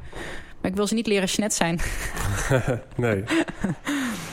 Ja, en dat is, eh, dat is iets waar we het net voor, eh, vooraf ook over hadden, weet je wel. Van, eh, weet je wel, een mooie quote, weet je wel. Als je zoveel mogelijk jezelf jezelf laat zijn... biedt dat ruimte dat de ander de ander mag zijn. Ja. In plaats van biedt dat ruimte om te kopiëren hoe de ander is. En dat is waar we volgens mij allemaal instinken met z'n allen. Ja, want je vroeg ook wat mijn relatie met social media eh, was. Ehm, ik denk eigenlijk dat we... En dat, eh, ehm, volgens mij had Mark Tichelaar het daar ook over... over ehm, als ik online zit op social media... krijg ik de hele tijd nieuwe informatie binnen. Eh, ik krijg in drie minuten... krijg ik verhalen tot mij van misschien wel 200 mensen iedereen die ik volg, elke account, dat zijn allemaal verhaaltjes. Ja, En de goede social media accounts maken ook een soort van doorlopend Mhm. verhaal. Zo van, oh, dat is die, die is daarmee bezig. Dus ze, ze, ze- die, keep you on board, zeg Ja. maar. Ehm, ik wil helemaal niet het in 200 verhalen zitten, want dan ben ik niet meer bezig met mijn eigen ding. Ja. Ehm, Byron Katie ken je waarschijnlijk Mhm. eh, wel. En wat mij heel erg heeft getriggerd... en een van de dingen die zij zei... als je in je hoofd... zijn we vaak heel erg bezig met... ehm, nou, het aanko- een aankomend podcast-interview... of iets belangrijks wat ik ga doen... of iets wat al geweest. Dus we zijn eigenlijk in de toekomst of in het verleden... mhm. eh, maar dan vaak ook nog in de toekomst in gesprek met anderen. En me ook aan het bemoeien met oh, wat jij van mij denkt of wat jij Ja, van mij wil. Dus ik ben bezig met, met jou, jouw beleving. En zij zegt dan ja, maar als jij bezig bent met die andere zijn leven, basically, Mhm. wie is er dan met jouw leven bezig? En toen Ja. dacht ik, eh, true. ja. Op het moment dat ik aan het consumeren ben, op het moment dat ik andermans verhaal en andermans leven aan het consumeren ben, ben ik niet mijn eigen leven aan het leiden. Ben ik op de backburner bezig. En En- dat wil ik niet. En daar komt het wandelen in beeld. Het half uur zonder boek, zonder Ja. podcast, gewoon het bos in. Half uur, drie kwartier. Ehm, ja, ik weet het Japanse woord niet, maar er is een term, dat bosbaden. En daar wordt, het, wordt ook onderzoek naar gedaan. Ik heb het allemaal nog niet geverifieerd en gelezen, dus ik kan alleen maar uit eigen ervaring eh, spreken. Eh, maar ik woon dus inderdaad al anderhalf jaar in de Achterhoek. En echt helemaal in het centrum van de Achterhoek. Als ik buiten stap, ik heb geen doorgaande weg. Het is buiten het dorp. Het is echt helemaal in het groen. Mhm. En dan stap ik buiten en heb ik niks om te schrijven mee. Geen telefoon. Ehm, dan ga ik lopen. En dan Mhm. het eerste kwartier is meestal... heb ik al die haakjes, die loopjes nog naar andere gesprekken, dingen die lopen. En op het moment dat je in een... eh, eh, jij hebt zelf net ook allemaal best wel dappere keuzes gemaakt. Dus dat vraagt, je bent daar veel over aan nadenken. En dat duurt altijd even voordat die, die actuele dingen een beetje zijn gaan liggen. Eh, een kwartier, twintig minuten. En ik heb gemerkt dat dan, als ik dan gewoon rustig blijf... of een beetje naar de bomen kijk of naar omhoog kijk... dan komt de creativiteit, dan komt de inspiratie... en in de hele spirituele hoek noemen ze dat de downloads. Dan komen de downloads.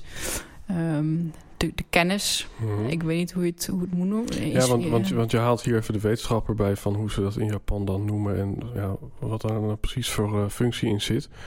Maar het lijkt me echt super logisch dat als wij zelf eigenlijk in wezen ook natuur zijn, dat als wij ons connecten, komt het mooie woord weer, met de natuur, ja, dat we dan eh, in een staat van zuiverheid komen. Ja, en voor mij werkt het, want ehm, ik zie het echt als mijn meditatie.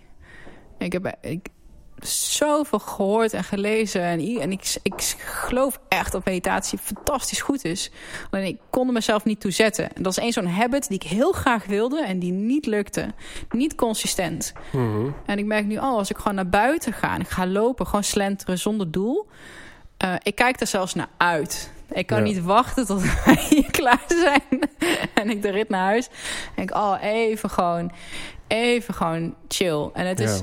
Je ziet het op zoveel plekken terugkomen. We hadden het over Jan Bommeré. Als je zijn workshop nog gaat doen, dan heeft hij het ook over eh, in het midden van ehm, dat infinity teken. Mhm. eh, staat het ook stil. ja. En dan zegt hij, in onze kern staat ook stil. En dat Ja. is flow. Ja, het is een hele gekke combinatie. En ik merk dat als ik, dat ik daar kom, als ik gewoon lekker in dat bos loop. Ja. Dat ik in, in flow kom. In helemaal, helemaal in het moment en in mijn lijf. Wat is, wat is voor jou de reden? Want je geeft aan die social media 200 verhalen in drie minuten. Ehm, sowieso hè, hebben we natuurlijk allebei misschien wel eens gehoord dat er in 1500 op, op een mensenleven evenveel prikkels waren als nu in uh, één dag. Dat is echt bizar. En dan heb je natuurlijk gewoon, weet je wel, uh, mensen zoals ik moet eventjes denken aan uh, Krishnamurti. Ik weet niet of je er ooit van gehoord ja, hebt. Ik heb zijn uh, als een wit zeil op een blauwe zee. Ik heb één boek van hem gelezen. Ja, en dat zijn volgens mij voorbeelden van mensen die eigenlijk bijna helemaal geen informatie hebben geconsumeerd. En er zelfs ook nog voor kozen, zoals Leroy zegt, om het ook niet te publiceren. Om Ja. het niet uit te brengen vanuit een staat van egoloosheid. Ja. Wat weer een paradox is, want iedereen heeft het dan over die ene man die niets publiceert, weet je wel. Maar waarom zou je überhaupt nog hè, eh, al die boeken lezen? Want ik kan me voorstellen, je wordt al geïnformeerd door de podcast, door je klanten. Wat maakt dan dat jij nog steeds een soort craving hebt naar informatie?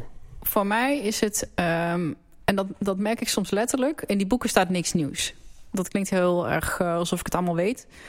Maar waarom die boeken leuk zijn, is omdat denk ik iets in mij continu... Van, ah, yes, ja, zo is het. ja, Vera Helleman mooi, zei dat ja. ook. Het is e- even gewoon zo'n momentje van herkenning. En daar Ja. word je blij van. En ik heb dat soms ook in eh, podcastgesprekken. Bijvoorbeeld met Mirjam Spitholt was het. Of als mensen even emotioneel worden. En dan vraag ik, goh, wat gebeurt er nu? En dan is het vaak dat mensen heel even weer... eh, zichzelf herkennen. Om het Mhm. heel eh, sp- spiritueel zweverig te zeggen. En ik merk, die boeken lezen... dat, dat brengt me geluk... omdat ik heel eventjes daar iets in gespiegeld zie... wat ik zelf ook al wel diep van binnen weet. Ja, En als we het dan hebben over dat olietanken... met al die opgeslagen oude herinneringen... oude indrukken, oude theorieën... ja, Ehm, ik kwam van ver. Dus ik denk dat het ook mezelf continu reminden is. Ik kan niet met één boek 30 jaar conditionering opheffen. Dus het is ook mezelf een beetje... Ja, die, die conditionering voortzetten.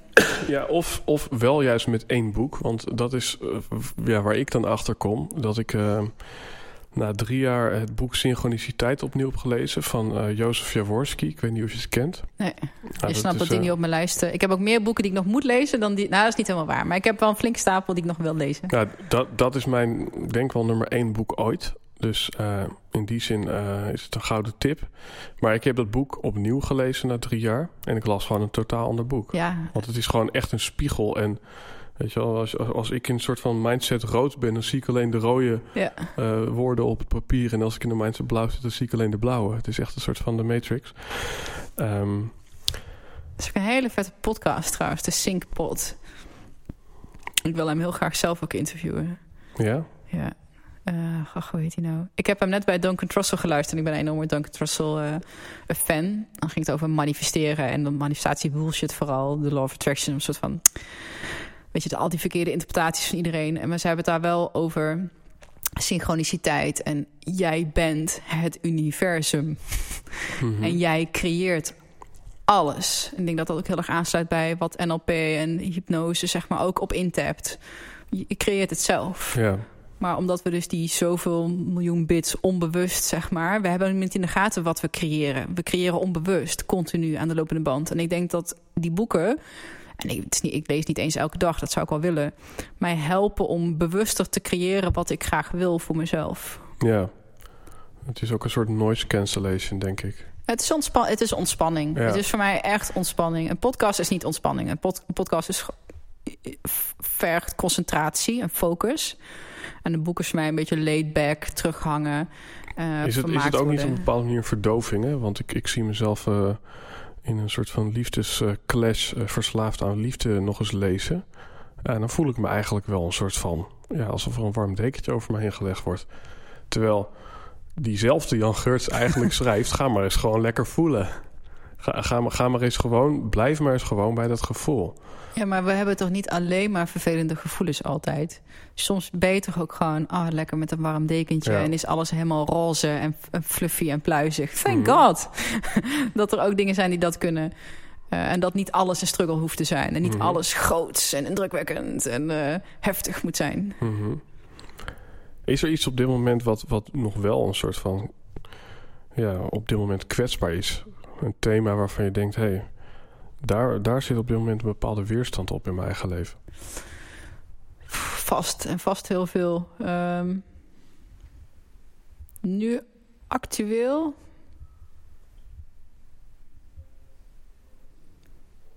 Hmm. Eigenlijk gaat het best wel goed. ja, weet je, ik heb mijn, mijn, mijn struggles. En uh, we raakten al heel kort de relationele situatie in waar ik in zit. Het gaat allemaal niet vanzelf. Er zijn mhm. best wel soms... Um, kom je, je, je, je, komt jezelf tegen. Je komt je onzekerheden tegen. Je komt je twijfels tegen. Je komt je schaduwkanten tegen. Ja. En nou, dat kan best wel confronterend zijn en best wel even werken zijn. En in het moment... Uh, ik heb echt wel gewoon onder in de douche op de grond gezeten zitten huilen. Dus, weet je wel... Mhm. Uh, maar dat zijn achteraf altijd de krenten uit de pap. Want als je die spiegel wel in durft te kijken... Uh, valt daar zoveel te leren en te zien en te groeien. Maar het is in het moment niet leuk. Nee. Dus als ik mensen, ja, als ik iets toewens, is misschien niet heel veel geluk, maar juist heel veel Sorrow. pijnlijke spiegelmomenten. Omdat ik weet dat het aan de andere kant vrijer is. En leuker is, makkelijker is en losser is. En, uh, ja. Ja. En dan kom je ook op een klassiek stukje van... Ga, ga ik die weerstand opzoeken? Of wacht je tot de draken naar jou komen? Ik ga ze niet opzoeken. Nee. Uh, maar ik kies wat ik wel opzoek. Kijk, mijn ondernemerschap, daar zoek ik de weerstand op. Uh, Joe Rogan is er trouwens ook heel erg uitgesproken over. Hij zei, ik zoek die weerstand ook op in de sportschool. Een muik met training. Uh, ik denk wel dat het belangrijk is om jezelf daar wel aan bloot te stellen. Om niet helemaal soft, zeg maar, te worden. Mm -hmm. Diamonds are born under pressure. Er zijn heel veel spreekwoorden die daarna verwijzen. We hebben weerstand nodig om te kunnen groeien. Alleen pick your battles. Ja. Uh, ga ik de weerstand opzoeken. Ik wil per se gelijk hebben in mijn familie dat, mhm. dat mijn visie er is. Of dat ik mijn collega ga overtuigen. Ik denk, ja, dat zijn battles die ik niet aanga. Maar bijvoorbeeld mijn, uh, mijn sporten wel. Uh, mijn ondernemerschap. Het is een battle, jongen, om een bedrijf op te bouwen. Dat gaat niet vanzelf. Ja, want het, tot nu toe, hè, als ik, ja, tot nu toe, we, rollen al een beetje naar het einde. Wat ik merk is zijn dat. Zijn we al een, echt waar? Ja, we zijn volgens mij sowieso een uur bezig. Maar nou ja, wat ik even interessant vind is. De rode draad die ik steeds terug hoor, is van inderdaad choose your battles. Um, maar ook, uh, weet je wel, uh, kies welke media je wel en niet consumeert. En ja. Voor mij is steeds de rode draad om die 0,1% van, nou noem het even neocortex of higher self. Om toch vanuit daar, ja, persoonlijk leiderschap, hashtag, keuzes te maken. Als het, als het vergelijkt met online, offline, aan, uitstaan. Um, ik denk dat heel veel mensen hun, hun hele, hele, hele kostbare focus, een kostbare tijd dat ze echt hier zijn, niet bewust ook besteden. Zeg maar, die dat opvullen met, met, met, met fluff. Um, ik hoorde het van gisteren nog. Informatie zijn eigenlijk de nieuwe calorieën. Mooi, ja. Vroeger hadden we... Hè, we zijn gebouwd voor schaarste. Dat was schaarste in onze omgeving. Calorieën waren het groot kostbaarste iets. Daarom zijn we ook allemaal geënt op hè, calorieën. En nu moeten we leren omgaan met een surplus aan calorieën. Informatie was ook heel lang het grootste goed en ontzettend schaars. Want als jij ergens woonde en je wist niet wat... Ja, dus je snapt hem.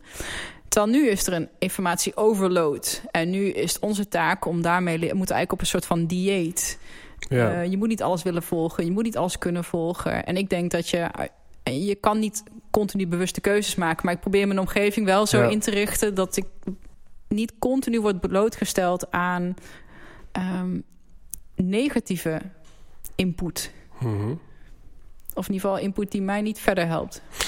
Ja, en dat is misschien de pessimist in mij. Hè? Maar dan denk ik van... Uh, we, we, kennen allemaal dat filmpje van... Uh, uh, wilt u een mobiele telefoon uit de jaren negentig? Nee. Oké, nou dat is, een heel, dat is een heel mooi filmpje... waarin gewoon een, een reporter de straat op gaat... Wat denkt u ervan? Mobiele telefoons worden steeds oh, vaak verkocht. En dan, nee, nee, nee, dat is echt niks voor mij. Nee, als, ik, als het belangrijk is, dan bel ik. En anders stuur ik toch gewoon een brief. Ja. Nou ja, ja, a few moments later, weet je wel. nou ja. Ah, zo werd ook de strijkplank... Want ik, er is zelfs een podcast die daarover is gewijd. Uitvindingen die allemaal werden uh, tegengehouden. En als je ze terug ziet, denk je echt... oh mijn god, hoe heb je dat ooit kunnen willen tegenhouden? Er zijn hele podcast uh, over. Tof. Ja. ja, want ik vind het dus interessant dat je zegt van... ja, weet je wel, het soort van informatiedieet. Maar ik denk dan bij mezelf... als ik dat toepas... en als ik bijvoorbeeld ook ervoor kies om met geen smartphone, maar een Ja, maar dat zeg ik niet. Want dat, daar ben ik... Ik wil mijn smartphone. Ik Mhm. wil online zijn. Ja. Ik wil... eh, de, de, Ja, want de- anders de- zou je gewoon kennis. teruggaan naar de jaren Nee, 80 nee, en maar er is dat is helemaal niet geen de bedoeling. ontwikkeling. Maar ik denk dat we nu... Net als dat we overladen zijn met eh, eten... zijn we ook overladen met informatie. En we moeten gewoon leren kiezen wat de junkfood is, zeg maar... en wat echt waardevol is. Ja. En ik denk dat de online wereld... Nee, joh, het is geniaal. Ik kan naar een, I don't know, een boeddhistische monnik luisteren... Mhm. die op YouTube staat... waar ik anders waarschijnlijk nooit van mijn leven iets van zou Ja. kunnen horen. Dat is toch geweldig? Ja, Waarom en- zou je dat niet en- willen? En, dat, en dat is volgens mij die itch waar we in leven. De, de itch van enerzijds een soort van ja, enorme schatkist hebben. eh, en tegelijkertijd die autonomie bewaken om daar steeds maar één goudstukje uit te pakken. Ja, ja, want die, ja, die- ja dat denk ik wel. En, ehm, en het zal voor iedereen anders zijn, maar ik heb gemerkt dat ik gewoon mijn dingetje beter vaart op iets minder uit die snoeppot eh, dippen, zeg maar. Eh, omdat als ik erin wil dippen, wil ik het ook echt bewust doen. En eh, niet maar gewoon mindless consumeren. Ja, en dan is er misschien ja, nog een soort van onderlaag vraag. Is, kunnen wij op een gegeven moment nog autonoom kiezen voor wat we in ons leven toelaten? Want als je bijvoorbeeld kijkt naar een platform als Facebook... wat ja, jou zo lang mogelijk op dat platform wil houden... Logisch, vanuit de ogen van Facebook natuurlijk. Ja, maar, maar kunnen wij met, met ja, toch wel een eh, overgroot deel reptiele brein... weerstand bieden eh, tegen die kunstmatige intelligentie? Goeie vraag. Ik hoop het. Eh, ik denk sommigen meer dan anderen. Ik bedoel, is, dat is hetzelfde. Er was een hele discussie van is suiker wel of niet verslavend? En sommigen zeggen, ja, suiker is verslavend, slecht. En dat moet je niet doen, want als je er eenmaal aan begint, weet je wel. Ja, Mhm. Dus alsof je niet daar zelf een keuze in hebt.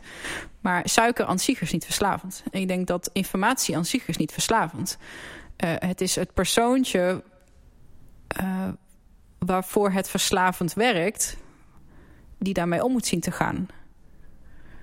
Dus ik, Ja. ik kan de suiker ja, bannen, ja. ik kan internet bannen... ik kan alles bannen wat slecht voor me is... en waar ik niet te veel voor moet hebben. Maar ik kan kijken van, hé, maar waarom ga je daar helemaal in kopje onder? Wat voor functie heeft het? Dus het, zit, het zit bij jou. Niet, het is maar een tool. Ja, Als jij er niet mee om kan gaan, dan... Ja, dat klinkt echt super hard. Ehm, maar dat zou wel een mooie ingang zijn met gaan Ja. kijken van... hé, hey, waar, waarom, waarom kan ik dat niet loslaten? ja maar ik, ik kan me voorstellen dat er heel veel mensen dan toch uitkomen op begeleiding. Die- Al die, die, er zijn, eh, kijk naar de AA, weet je wel, alcohol. Ja, oké, alcohol is dan is anders natuurlijk, want het is wel verslavend. Maar stel dat, je, dat er supportgroepen zouden zijn voor mensen die te veel suiker eten. Ja, dat kan heel goed werken om je, wat, dat boekje weer, die habits. Voor iedereen werkt het anders. De ene heeft die externe accountability nodig, de Mhm. ander moet weten, oh, is dat hoe het zit? En die kan daarna keuzes Mhm. maken. En wat maakt dat alcohol wel verslavend is? Want wat is daar de technische uitleg van? Dat, het goedje zelf. Het- Mhm. ehm, de, de intoxicatie die het geeft. Dat is volgens mij verslavend. Ik ben geen verslavingsexpert, by the way. Mhm. Maar Het is een beetje net zoals een type 1 nummer in een zak chips... waardoor je blijft eten. eh, waarschijnlijk. Ik heb geen idee. Als ik nu iets heel stoms zeg... dan hoop ik dat jouw luisteraars me op de vingers stikken. Ja, maar en dat, en dat vind ik dus heel interessant. Want, want ik zeg dus ja, van volgens mij, hè, op het moment eh, dat er misschien een soort onderliggend patroon of misschien zelfs een overtuiging uit de jeugd ten grondslag ligt aan nou, dat gedrag en dat makkelijk vervallen in die verslaving. Ja, dan is het zeker met, met, met, met die pressure van al die, die verleidingen, is het volgens mij heel belangrijk ja, dat we coaching nodig hebben. ja.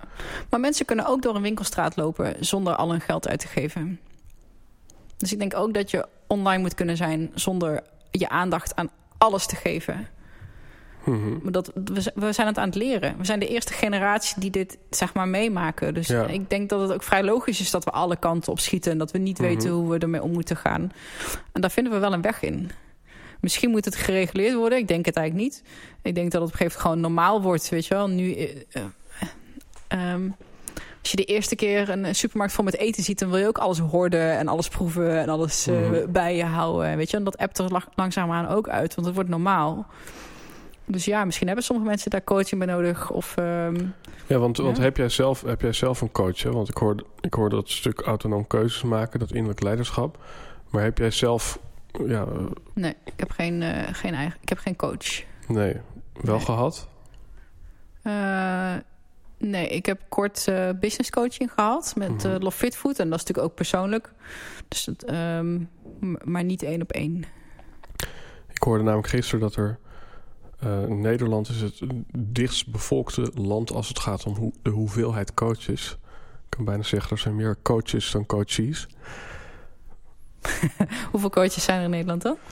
Nou ja, ik geloof dat er 1, zoveel miljoen ZZP'ers zijn.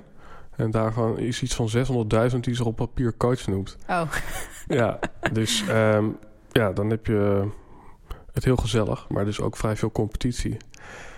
Ik, ik ben benieuwd hè, of, dat, of dat dan ook een resultaat is van die social media eh, ja, en individualistische online eh, toestanden. nou, dat, dat, dat we.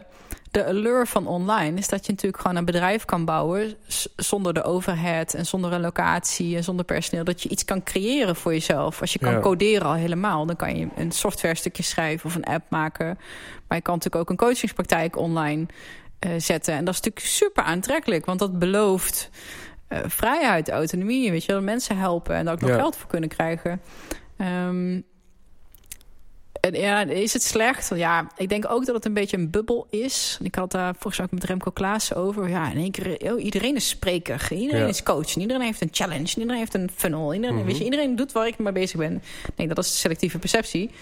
Eh, het lijkt, die, dat waren ze altijd, alleen ik zag het nooit. Ja, Eh, misschien zitten we nu in een soort van coachingsbubbel. Het lijkt, alsof iedereen coach is. Maar aan de andere kant, hey, ehm, als jij met je podcast eh, 10.000 mensen helpt... en eh, coach Pietje helpt drie mensen...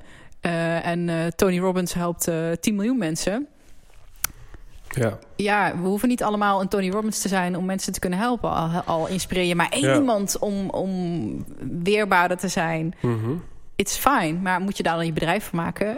Nou ja, de tijd zal het wijzen. Nou, nee, ik vind het wel interessant vanuit het kopje. hè, wij, wij hebben nu een gesprek.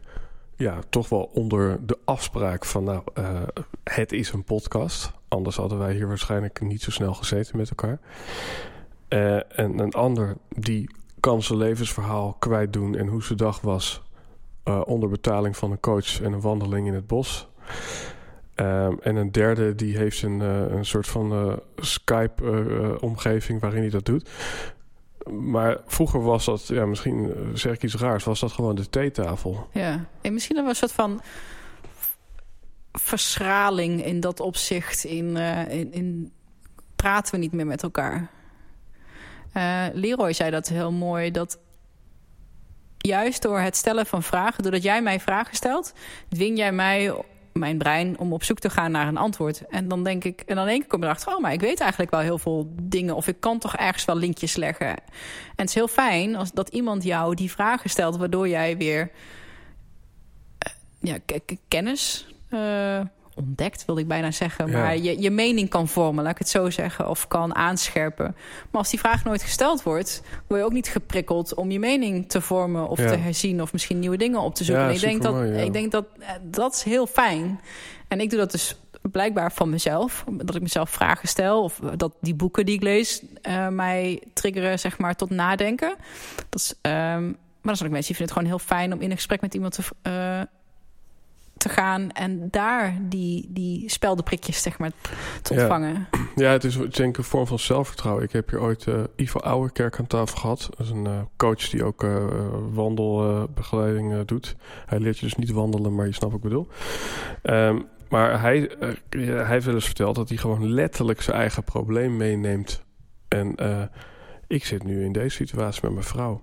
Eh, ja, wat, wat, wat, wat, wat, moet ik daar eigenlijk mee? Dat vraagt hij in zijn coachie. Ja, en, en, en ik vond het eigenlijk heel interessant. Ja. Want op dat moment wordt iemand uit zijn slachtofferrol gehaald. En ja, komt erachter dat die, die ander misschien nog echt wel van tips en eh, tricks kan voorzien. En dat is natuurlijk een boost voor je zelfvertrouwen. Grappig. Oh, wat cool. Maar sowieso, als je, we gebruiken veel het, het helden ehm, narrative, het helden verhaal. Kijk, als ik naar een film zit te kijken en, en de hoofdrolspeler die zit even in de put of die heeft het moeilijk, dan weet je, ah joh, weet je, maar straks uh, komt het wel weer goed. En als ik naar mijn collega's kijk, weet je, en je ziet even iemand die in een depressie zit, of die, die even liefdesverdriet heeft, of, jeuk heeft. maar je kijkt naar een andere persoon en je weet gewoon, oh, maar het komt wel goed, want ik zei zet. Alleen je kan het van jezelf niet zien. Het um, oog kan zichzelf niet zien. Nee, nee. Dus ik kan voor mezelf... Voor mij lijkt alles in het moment eeuwig en altijd te duren. Als ik verdrietig ben, nou dan, dan lijkt het alsof daar nooit een einde aan komt. Maar dat is ons hoofd. Dat houdt ons zeg maar helemaal gevangen in dat moment. Terwijl als je even een beetje kan uitzoomen... en dat, dat metaperspectief, dat is een NLP-term volgens mij is het meta, dus jezelf van afstandje bekijken. Mhm. Dat is makkelijker om dat voor een ander te doen dan voor, om het voor jezelf te doen als je dat nog nooit hebt gedaan. Ja.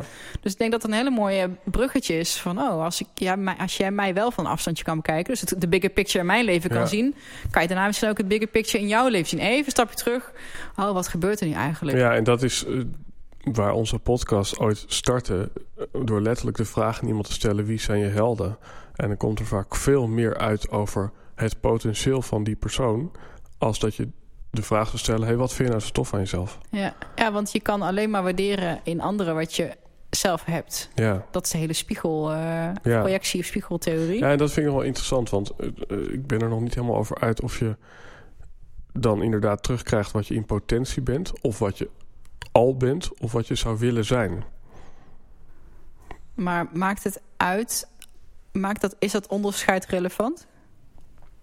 Nou ja, dat als ik bij wijze van spreken zeg... Uh, ik uh, ja, wil bij wijze van spreken Max Verstappen... Uh, dat vind ik echt een held, want die kan zo goed racen. Uh, het is denk ik wel relevant om te weten of, of, of jij de mogelijkheid hebt... om uit te groeien tot een F1-coureur. Ja, maar je hoeft niet letterlijk toch te doen wat hij doet. Want waarom, waarom vind je hem inspirerend? Ja, precies. En dan kom je op een soort van ja, onderlaag. Is het, is het zijn, zijn doorzettingsvermogen? Nou, ik weet niet of hij nou echt een goed voorbeeld is. Ja, ja is een beetje, hij, heeft, hij heeft het zwaar gehad. Ja. Het, is niet, het is niet een, uh, meteen een, een hoogvlieger, zeg maar. Maar er is iets wat jij in hem bewondert. Wat bewonder jij in hem? Ja, ik noem hem nu wel. En dat is interessant. En nu is ineens de podcast geturnd. ja, ik voel me ook meteen een stuk relaxed. Zo. Een stukje dissociatie. Um, ja, nee, uh, goede vraag. Uh, want er is inderdaad dan wel iets. Um, ik denk hetzelfde wat Gary Vee ook in zich draagt. Van wat is het directe resultaat van je geen fuck aantrekken van een ander, uh, dat je sneller kunt gaan. En dat is in het F1-voorbeeld natuurlijk letterlijk. Ja. Maar, maar dat is denk ik van, weet je wel. Zijn doelmatigheid dan of zo? Of, of zijn, zijn stoïcijnsheid van ik ga dit gewoon fixen. Ja, ik denk dat je ontzettend snel kan ontwikkelen uh, als je je minder vaak spiegelt aan wat anderen van je vinden. En, en, dat, en dat stuk, uh, dat zie ik in hem. Ja, en dat, dat is dus ook wat je in jezelf uh, waardeert. Ja, ja, I guess. Thanks voor dit interview. ja, maar en, en dan haakt hij wel mooi in op waarom ik dan ga lopen zonder mijn telefoon. Ik mhm. denk dat... Um, of op, op mezelf, laat ik het dan even zo zeggen, met mezelf. Ik denk dat ik, ik heb een soort van... Uh, het is, eh, hypnose bijna, zeg maar. Ik ben in gesprek met jou en mijn aandacht zit hier. Maar, en ik kan nu weggaan, maar ik denk dat ik even een paar minuutjes nodig heb... om het even van me af te laten glijden. En als ik nul tijd en ruimte voor mezelf heb... als ik altijd alleen maar bezig, bezig, consumeren, bezig, bezig, consumeren... ben ik nooit helemaal los, nooit helemaal mhm. even bij mij. Um, en als ik nooit... dan ben ik alleen maar in die projecties en spiegelingen van anderen... verwachtingen van anderen... Um, en weet ik dus helemaal niet wat ik zelf wil of fijn vind of ervaart.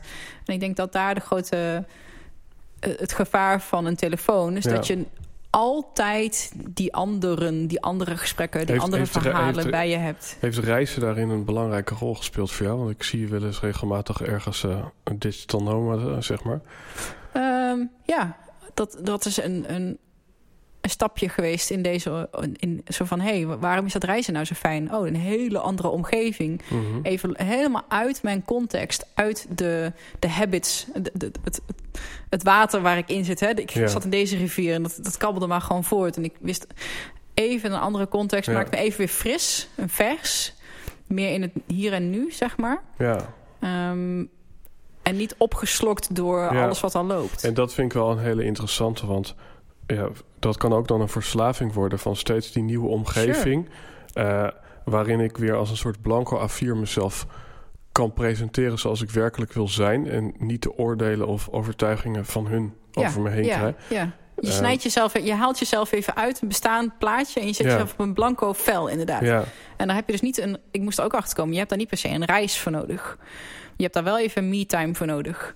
En ik denk dat daar een meditatie ook daar ontzettend goed bij helpt. Want dat is ook jezelf even op een blanco vel zetten. Ja, precies. En, want, want dat vind ik een mooi bruggetje naar misschien het laatste thema van deze uitzending. En dat is, weet je wel, het verschil tussen, weet je wel, keep calm in tense situations. Mooie zin. Hoe kan jij rustig blijven als jij op straat een kat in elkaar geknuppeld ziet worden? Ik noem maar even wat geks, hè? Jij, jij wordt nu al eh, helemaal wild.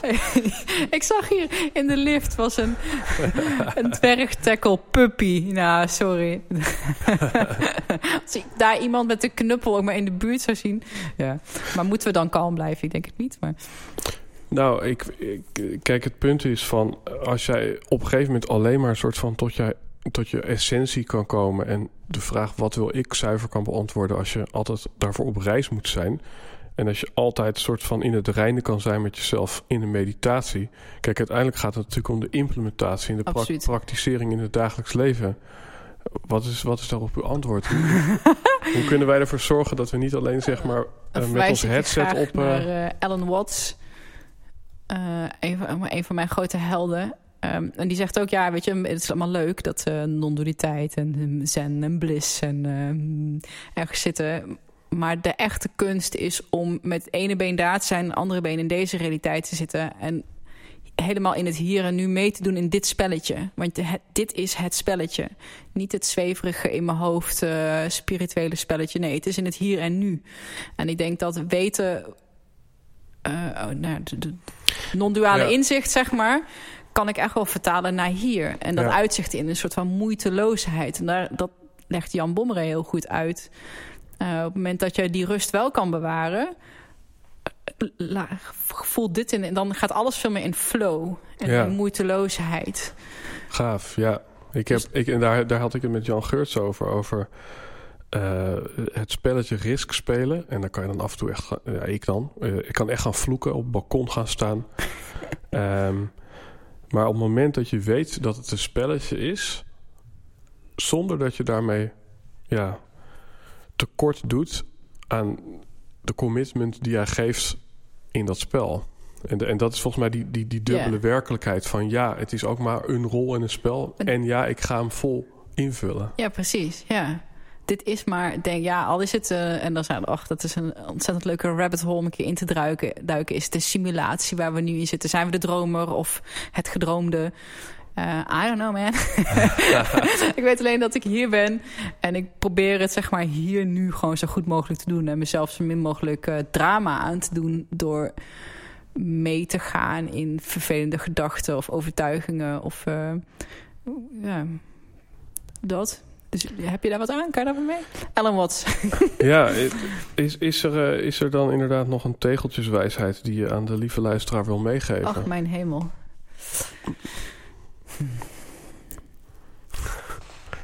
Nou, ik, wil, ik zou wel echt... eh, Ik zou het heel mooi vinden als mensen niet meer bang zijn om op zichzelf te zijn. Ik vind dat namelijk echt een teken dat mensen zeggen... ja, maar ik kan niet alleen zijn. Mhm. Ik zou het niet kunnen. Ik zou niet alleen kunnen zijn. En denk, wat zeg je dan eigenlijk? Dan zeg je eigenlijk dat je jezelf niet leuk vindt. Ja. Als ik niet Ja. in mijn eentje in een ruimte kan zijn, vijf minuten lang, of een uur of 24 uur, zonder dat ik entertained moet worden, Ja.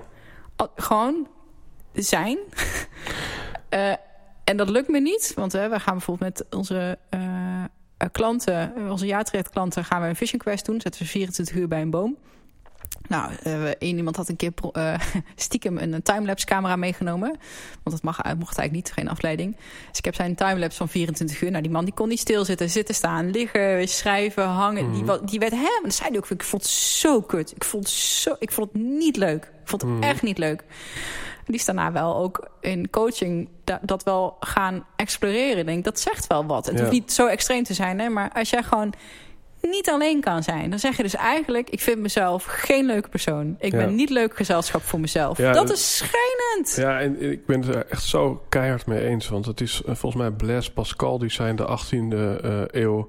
All human problems stem from the fact that a man is unable to sit quietly in a room alone. En dat is dit. Ja.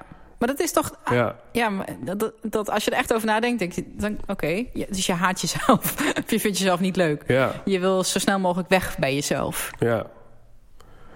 En ook daarvoor ja, kan je weer de vraag stellen van... Hey, weet je, wel, de realiteit.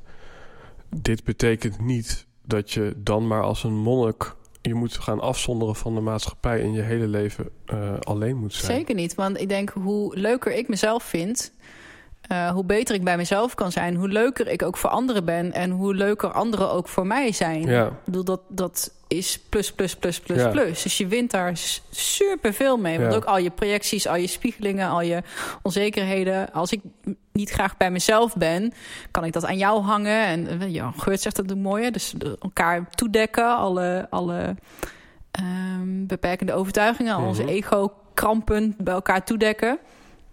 Maar als dat niet hoeft, dan kan ik op een heel ander level Ja. relaties aangaan. ik vind het mooi dat, dat jij soort van op dit moment in jouw leven... eh, de- dit thema eigenlijk eh, afsluitend introduceert.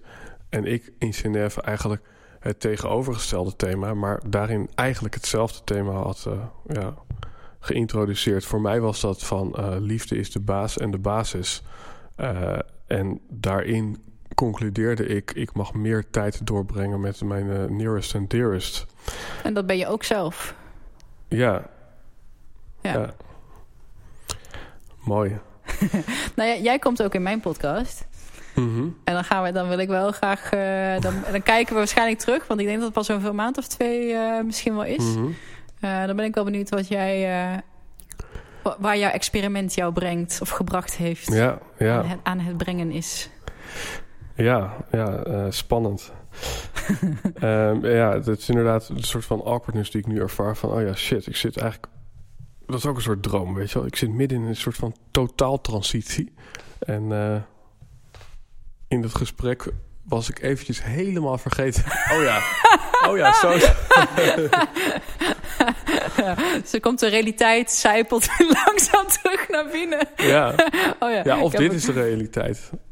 Dat, dat is misschien juist de, de, de, ja, de les.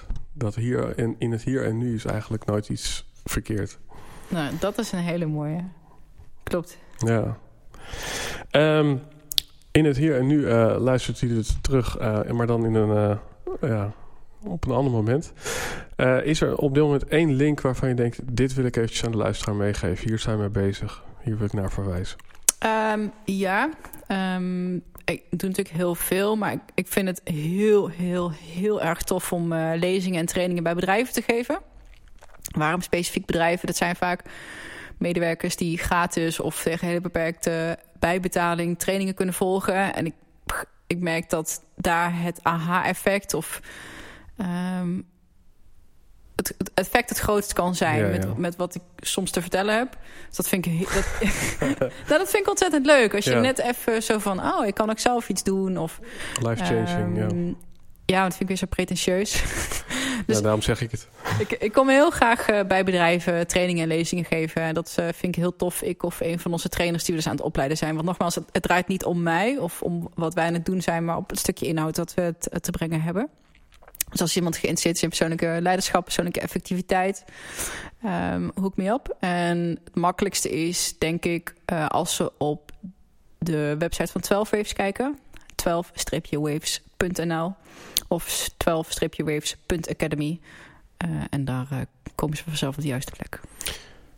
Alright, super thanks. Voor de luisteraars wil meepraten over deze aflevering. Hashtag Helden en op Facebook, Twitter, Instagram. Toch weer al die social media. Um, ja, uh, alle dingen die we besproken hebben, die gooi ik even in de show notes. Ook uh, een paar mooie boekverwijzingen, dat soort dingen. Een paar, heel veel. Ja, um, Succes ermee. Ik zoek nog iemand die mijn show notes uh, oproept. Ja. Um, nee, ik vond het heel leuk om je het echt te ontmoeten. Ik vind het altijd over het mooie aspect van deze social media. Dat ik denk van, hm, heb ik jou nog nooit eerder gezien? Zo'n gevoel heb ik helemaal niet. Dus dat is dan altijd wel grappig. Dus ja, dankjewel voor deze bijdrage en voor de luisteraar. Tot de volgende aflevering.